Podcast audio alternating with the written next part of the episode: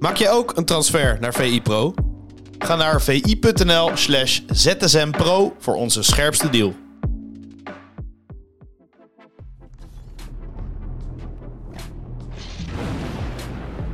Pieter, goedemorgen. Goedemorgen. 7 februari van het jaar 2023. Uh, de dag nadat Edwin van der Sar bij Rondo zat en uitleg gaf over de hele situatie. Uh, voordat hij uh, daar dieper op inging, kwam er even een filmpje van 3,5 minuut. Waarin eigenlijk alle problemen van Ajax eventjes kort samengevat werden. Ik vond dat best een heftig clipje. Dat is zeker een heftig clipje. Het is natuurlijk wat Freek ook al tijden bij ons schrijft en op papier zet. Het is eigenlijk van ja, top naar beneden in een jaar tijd. Want het is nu ongeveer een jaar geleden dat uh, Overmars vanwege zijn dickpics werd weggestuurd. Uh, en sindsdien is het een soort van uh, ja, domino day, waar het ene naar het andere steentje omvalt. En ja, die hele club ligt ondertussen op zijn gat. En in die context kwam hij nu aan het woord bij natuurlijk Rondo, wat geproduceerd wordt door Ziggo, wat weer de hoofdsponsor is uh, van Ajax. Dus hij speelde een thuiswedstrijd uh, in dat uh, opzicht. Het einde van het programma ging ook nog Ruud Gullit ging tegen hem zeggen dat... zeven? Nou ja, hij hoefde zichzelf geen onvoldoende te geven. Die zelfkritiek was niet nodig. Hij verdiende eigenlijk een zeven, want het is natuurlijk... ja, als eindverantwoordelijke voor een club die uh, nu op de positie staat waar Ajax staat, uh, met verreweg de hoogste begroting van Nederland, dan verdien je inderdaad een 7. Dat, uh, ik weet niet helemaal waar die 7 vandaan kwam. Maar wat Van der Sar denk ik goed deed in dit interview was dat hij zelf kritisch was. Want denk ik daarvoor een beetje had ontbroken. En gewoon een paar ja. dossiers. En met name de dossiers zeg maar, die eigenlijk al afgesloten zijn. Dus het dossier uh, ook Campos, wat natuurlijk een miskoop was. Uh, Scheuder, die inmiddels al ontslagen is. Uh, afscheid nemen van Daily Blind. En daar stak je de hand in eigen boezem. En dan word je direct wat sympathieker. Het is natuurlijk ook wel lekker dat je daar gaat zitten na een 5-0 winning op Cambuur. Ja, is dat sympathieker niet essentieel, Pieter? Want de persconferentie naar SC Volendam... er waren heel veel reacties, arrogante houding, het, het glimlachje. Dat werd er niet in dank afgenomen. Nee, ik denk dat de, toen mensen misten dat hij ook dat zelfreflectieve had. En dat was nu wel uh, zichtbaar. Misschien dat dit ook beter voorbereid was dan uh, tegen Volendam. Want natuurlijk ja, tijdens die wedstrijd besluit je die trainer te ontslaan. En je moet er in één keer gaan zitten. Dat het nu misschien wat beter doorgesproken was. Maar hij kwam er nu in ieder geval een stuk beter uit dan destijds. Dus ik denk dat ze uh, bij Ajax blij zijn dat uh, nu Van der Sar op dit moment de zat. Het enige waar, je, waar ik iedere keer aan moet denken is... Ja, donderdag speel je weer tegen FC Twente. Dat waren natuurlijk geen serieuze testen die we eens hebben gehad. Sterker in die ene niet-serieuze test tegen Excelsior... eigenlijk voor scoor je een dikke onvoldoende. Nou ja, je wint, maar ze lachen wel weer allemaal, Pieter. Ja, ze lachen allemaal. Dat hoor ik ook iedere keer. Maar ik wil het eerst nog wel eens even zien tegen FC Twente... voordat we het zijn brandmeester uh, geven bij Ajax. Ja, je, je, hebt letterlijk gewoon een keer overtuigend gewonnen... van de slechtste club in de Eredivisie. En dan is het er weer allemaal jubelstemming. Dat lijkt me allemaal wat prematuur. Omdat je moet gewoon denk ik nog wel even zien tegen Twente. Als je weer onder druk gezet wordt, wat natuurlijk niet het geval was in die laatste twee wedstrijden. En dan ook wordt serieus jouw restverdediging uh, getest met twee buitenspelers die erop loeren om daarachter te komen. Dan wil ik nog wel zien of het echt beter is dan dat het uh, was in die laatste periode onder uh, Schreuder. Dus dat, dat gaan we denk ik tegen Twente pas echt zien. Ja. En daarom denk ik ook dat hij goede timing had om niet te gaan zitten. Want misschien ja, als je ditzelfde verhaal vertelt nadat je eventueel in de beker bent uitgeschakeld uh, tegen Twente, dan wordt het in de perceptie totaal anders aangenomen dan na een 5-0 overwinning tegen Cambuur. Dus uh, het zit nu even allemaal mee bij Ajax. En we moeten gaan kijken hoe lang dat duurt. Ja, het was inderdaad wel een, een thuiswedstrijd voor, voor Van der Sar. En uh, de timing was ideaal. Toch kijk je wel uit naar zo'n zo'n interview. En dan, dan heb je op voorhand misschien van ja, de situatie Schreuder. Weet je, hoe, wat, wat wordt er nog besproken? Zijn er nog dingen die nog niet bekend waren? hoe gaat het inderdaad met Blind? Maar ook de toekomst. En die vond ik best wel interessant, want ze hebben dus een, een lijstje met name veel mensen gesproken. Ook buitenlandse kandidaten hebben ze gehad. Uh, wat is daar bij jou het meest blijven hangen, Pieter? Nou, dat ze nu uh, ook werk maken van die technisch directeur. Dat werd nu natuurlijk ook aangekondigd dat dat uh, binnen nu en twee maanden zou gaan uh, gebeuren. Dus nou, het lijkt erop dat daar nu schot zit in die dossiers. Dus dat is dan wat je wat dat betreft het meest bijblijft. Dus ja, we gaan het, we gaan het zien de komende maanden in Amsterdam. Er gaat natuurlijk uh, veel gebeuren. Het gaat nu echt ook in een hoog tempo door. Want je speelt die wedstrijd tegen Twente.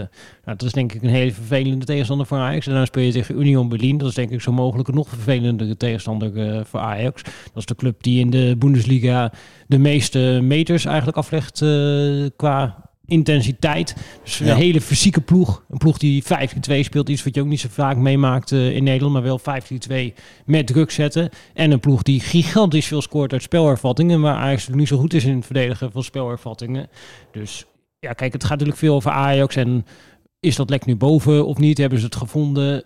Ja, pas denk ik als je dat tweeluik met uh, Union uh, Berlin overleeft, dan vind ik dat je daadwerkelijk progressie uh, hebt geboekt. Want dan laat je zien dat je tegen een ploeg die druk wil zetten, tegen een ploeg die fysiek is, tegen een ploeg die goed is in spelervattingen, dat je dat ook kan overleven. En dat je van Cambuur kan winnen, dat geloof ik wel. Want onder Scheuden wonnen ze ook met uh, dit soort cijfers van Cambuur. Maar is dat dan ook het moment waar, uh, waarop we Heitinga pas echt ja, kunnen beoordelen? Tuurlijk, tuurlijk. Ja, dat, niet tegen de nummerlaatste van de Eredivisie. Dat, dat ga je daarna pas zien. En ja. pas daarna ga je denk ik ook uh, zien, ja, hoe vallen bepaalde keuzes uit. Want dat je tegen Cambuur niet speelt, ja, vinden spelers vervelend. Maar als je straks in een topwedstrijd misschien op de bank zit... of in een Europese wedstrijd op de bank zit... ja, dat vinden ze pas echt vervelend. Ja, precies. Dat was het meest gelezen item op v.nl. Dus uh, iedereen was toch wel bezig met het interview van Van der Sar. Uh, het meest gelezen item op V-Pro was eigenlijk naar aanleiding van de wedstrijd tussen Feyenoord en PSV. Uh, Makkeli voegt negen minuten blessuretijd toe in de tweede helft in die topper. en de vraag was eigenlijk, ja, was dat terecht? Dus Bart Vrouws ging even checken. Dat klopt, die, die is in de cijfers gedoken en ja, het rare daaraan is dat je duikt in de cijfers, maar eigenlijk op basis van de cijfers helemaal niet een antwoord geven op die vraag. Wat we laat zien hoe multi-interpretabel de regels zijn. Het eerste stukje van zijn factcheck uh, vond ik persoonlijk erg vermakelijk. Dat uh, hij ging ook in op de uitspraak van uh, Luc de Jong. Negen minuten ja. erbij, dat hebben we in de Eredivisie nog niet eerder gezien. Dan stipte hij heel, stipte die heel subtiel Bart even aan van nou ja, de avond daarvoor gebeurde het ook al. ja. Als ik de samenvatting had gecheckt, had hij het gezien. Dus dat was wel En op het WK viel negen minuten nog mee, Pieter. Op het WK viel dat mee. Maar dat, dat er op het WK denk ik veel meer was en daarna weer minder. Laat ook wel zien dat die regels worden niet heel strikt nageleefd. En dat, nee. dat bleek ook wel uit die factcheck. Dat ja, het spel ligt altijd langer stil dan negen minuten. Maar eigenlijk bleek ook bijvoorbeeld uit die factcheck dat het spel in de eerste helft misschien nog wel meer stil lag dan in de tweede helft. En in de eerste helft kwam er niet, zo, kwam er niet zoveel tijd bij.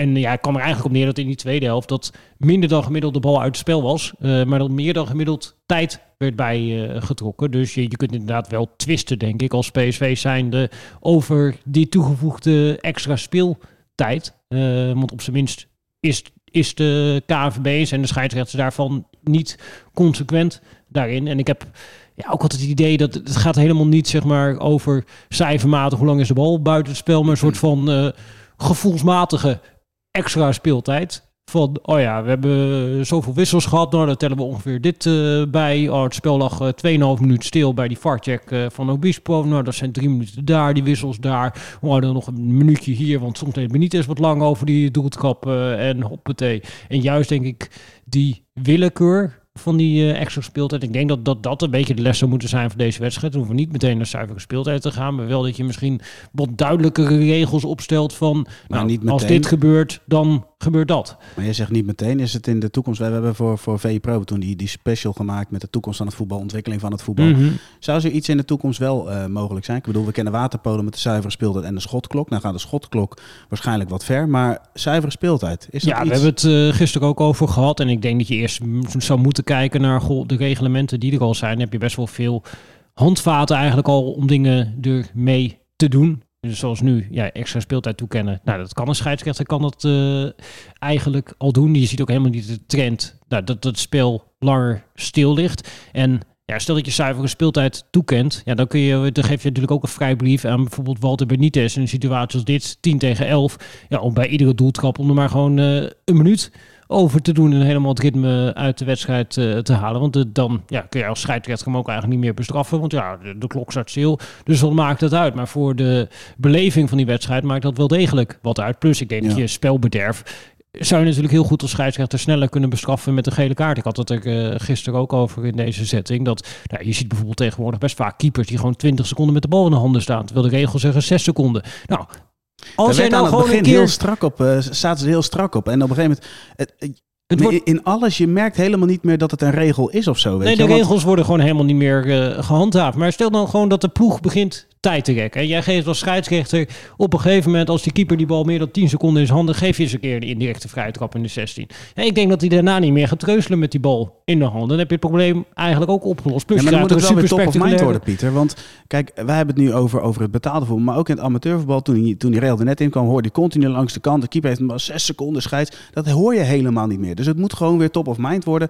Waardoor je dus inderdaad, en, en er ook gewoon strak op handhaven. Alleen dan zorgen dat de snelheid in het spel blijft. Precies, en als ja, iemand het dan eigenlijk te lang doet over een vrije trap of met een wissel, dat die, want je hebt tegenwoordig ook die regel dat je eigenlijk overal uit het veld kan. Ja, Ja. Stel, hij neemt toch een omweg, hup, gewoon meteen een gele kaart. Ga maar een keertje handhaven. En volgens mij krijg je dan het spelbederf-elementen heel snel uit. En voor de rest is er helemaal geen probleem met voetbal. Die sport is populairder dan ooit. Dan is het heel gevaarlijk wat mij betreft om zomaar de regels te gaan wijzigen. Want ook al zeg maar, dan moet je ook een discussie gaan voeren. Ja, wat zou die zuivere speeltijd eigenlijk moeten zijn? Moet dat bijvoorbeeld eh, een uur zijn? Ja, de meeste competities zitten nu onder een uur. Een van de dingen die je terugziet is dat bijvoorbeeld in Spanje is de zuivere speeltijd behoorlijk wat lager dan dat het bijvoorbeeld is in Engeland. Ja, je zou dat uniform moeten gaan handhaven. Nou, hoe ga je dat vervolgens weer doen op alle amateurvelden in de, op het eh 28e niveau in Brazilië of op een willekeurige eilandengroep, Fiji? Ja, dan moet je dat ook gaan handhaven met een Ja. stop, start-stopklok. Ik denk dat juist natuurlijk de kracht van voetbal ook is dat het is een heel simpel spel. 11 tegen 11 en degene die na 90 minuten het meest gescoord heeft, die wint de wedstrijd. Op het moment dat je zo'n ja, start-stop spel ervan gaan maken, denk dat het allemaal wat ingewikkelder wordt. En wat ik zeg, het is, je hebt een heleboel regels die op dit moment niet handhaven. Nou, ga dan eerst eens beginnen met die regels handhaven en dan hoef je die hele discussie denk ik op die Ja, manier niet te hebben. En eens. maak die regels over wat doen we nou eigenlijk met de toevoeging van extra tijd. Maak dat nou even wat transparanter. Dat lijkt me een uitdaging voor de KNVB. Om nou even gewoon helder te schetsen. Nou, voor een wissel rekenen we zoveel tijd. Voor eh, een farm-moment, daar tellen we altijd zoveel, precies de Ja. tijd bij dat het spel eh Ja, duidelijke kaders. Duidelijke kaders. En die kaders zijn nu totaal niet duidelijk. Waardoor ook Bart, zelfs al duik je in de cijfers, dan doe je effectcheck. En je kunt eigenlijk helemaal niet een harde conclusie eraan verbinden. Want iedereen kan nog steeds zijn eigen interpretatie erop loslaten. Want Feyenoord fans die zien die cijfers en die denken, nou was het terecht 9 minuten. En PSV fans die zien die cijfers en die zeggen, nou 9 minuten, dat, dat, dat was totaal uit de lucht eh, gegrepen. Dus iedereen Ja. kan er zijn eigen interpretatie aangeven. Nou, schep nou eerst even duidelijke kaders. Ja, eens. Handhaven in eerste instantie. Maar Pieter, ik vind ook dat we de ontwikkeling van het voetbal een beetje in de gaten moeten houden. En ik vind zo'n pilot wel interessant. We hebben natuurlijk vaker va- draaien ze pilots met, met onderlinge wedstrijden. Bijvoorbeeld door dat je gelijk in mag dribbelen met een vrije trap. Dat, volgens mij is dat laatst in Zeist een paar jaar geleden Ja, ja, zeker. geweest. Ja, vind ik eigenlijk helemaal niet in, zo interessant. Ik vind helemaal niet Tuurlijk je... wel, je moet het ook Nee. blijven ontwikkelen op het voetbal. Nee, je moet het ook. spel, je moet zeg maar binnen de lijnen, moet je binnen de regels zoals het spel is, het gaan veranderen. Maar je moet niet de spelregels gaan veranderen. Ja, Hetzelfde het zeg maar dat je bij een schaker zegt van, nou, we, hebben hele innovatieve regel. Ik gooi in één keer jouw koningin van het bord. Ja, dat, slaat nergens op. Het is gewoon, het spel zoals het is, is hartstikke goed, is hartstikke populair, is populairder dan ooit. Ja, dan ga je toch niet de essenties van het populairste spel ter wereld aanraken. Nee, dan ga je juist proberen, nou ja, binnen de regels, zo- zoals die er zijn, om daar creatief naar te kijken. En dan, nou ja, bijvoorbeeld zoals, zoals nu recent ook met de doeltrap, dat je daar weer even iets in tweakt. eh, Ja, maar daar gaat het toch om. gaat toch juist om het tweak. En het gaat erom dat je... Het is toch een amusementsport. Dit moet toch ook leuk zijn om te zeggen. Kijk, pak nou tennis, hockey, spanningsmoment. Eh, je kan hem zelf inzetten. En zoals- En zowel spanningselement als een, een, eh, als een wedstrijdelement. Dus je Ja. kan hem er zoveel keer inzetten. Hockey is alleen maar leuker geworden om naar te kijken. Dus ik vind wel dat je er open voor moet Ja, maar staan. En hockey door vind te ik altijd testen... een hele slechte vergelijking. Omdat hockey, is geen hond die naar hockey kijkt. Is helemaal niemand die er naar kijkt. Dus waarom zou dat als een soort van voorbeeld voor voetbal dienen waar iedereen naar kijkt? Dat, dat, die logica snap ik nooit zo helemaal. Ja, maar het gaat er niet om hoeveel mensen er naar kijken. Het gaat uiteindelijk om wel. of een spel sneller wordt, of het interessanter wordt, of het, of het Ja, dynamischer maar wordt. blijkbaar wordt het spel dus niet zo heel veel interessanter. Want er is niemand die er naar kijkt. Dus waarom moet dat als voorbeeld dienen voor een sport waar Ja, iedereen maar zijn in de er niet wereld minder naar mensen kijkt? naar gaan kijken? Nou, dan weet ik niet al hoe die cijfers zijn bij. Ik zou dat eerst wel eens een keer willen zien. Van eh, wat zijn nou echt daadwerkelijk de effecten geweest daar van die spelregels. Voordat we zeggen, oh, ze hebben het ook veranderd. Dus dan moeten we ook in het voetbal maar gaan doen. En nou, we gooiden het gisteren er ook in. En dan krijg je natuurlijk ook alle reacties van mensen die zeggen... ja, maar in mijn sport gaat het wel goed. Nou, dat, dat geloof ik allemaal best. Alleen naar die sport kijken niet zoveel mensen... als dat er naar het voetbal eh, kijken. Dus blijkbaar zit er ook iets goeds in de voetbalregels zoals ze nu er zijn. Maar dat is ook al een hele conservatieve 30-jarige zijn om dit allemaal zo te roepen. Ja, en ik misschien wel iemand eh, van 40 die eh, open staat voor ontwikkeling. Zo zie je maar. Ja, ik zou ook open voor eh, ontwikkeling. Maar wel, ja, er moet wel... Maar daarom is zo'n pijler toch interessant, Pieter. En sommige dingen werken wel, sommige dingen werken niet. Je moet alleen wel open blijven staan van hoe kun je een sport interessanter maken. En, Zeker, eh, alleen ik denk wel dat je dan... Een- zal ook altijd discussie blijven. Ik ben een voorstander. Ik weet niet hoe jij daar naar kijkt. Nou ja, kijk, eh, het hele probleem met de discussie rondom de VAR is dat de doelpalen verschoven worden. Dus dan gaat het inderdaad in één keer, roept iemand, ja, er zal altijd discussie blijven. Ja, dat is helemaal niet het ding van de VAR. Waarom voeg je de VAR toe? Zodat er Het minder vaak grove fouten worden Ja. gemaakt. Nou, heeft de VAR daarvoor gezorgd? Ja, dat is evident. Bijvoorbeeld die rode kaart van Obispo, die was nooit gevallen eh, zonder VAR. En de afloop is niemand die de VAR daarvoor complimenteert. Maar als er dan een keer iets is wat discussie oproept rondom de VAR, omdat je de regels in het voetbal zijn vaak, nou, daar hebben we het net ook over, multi-interpretabel. Ja, dan blijven mensen roepen, ja, eh, ook met de VAR houd je discussie. Ja, je hebt altijd een grijs gebied. En in dat grijze gebied zou ook de VAR eh, niet altijd uitsluitsel kunnen bieden. Maar je hebt minder ma- vaak echt grove fouten, waardoor wedstrijden beslist worden. Dus is het spel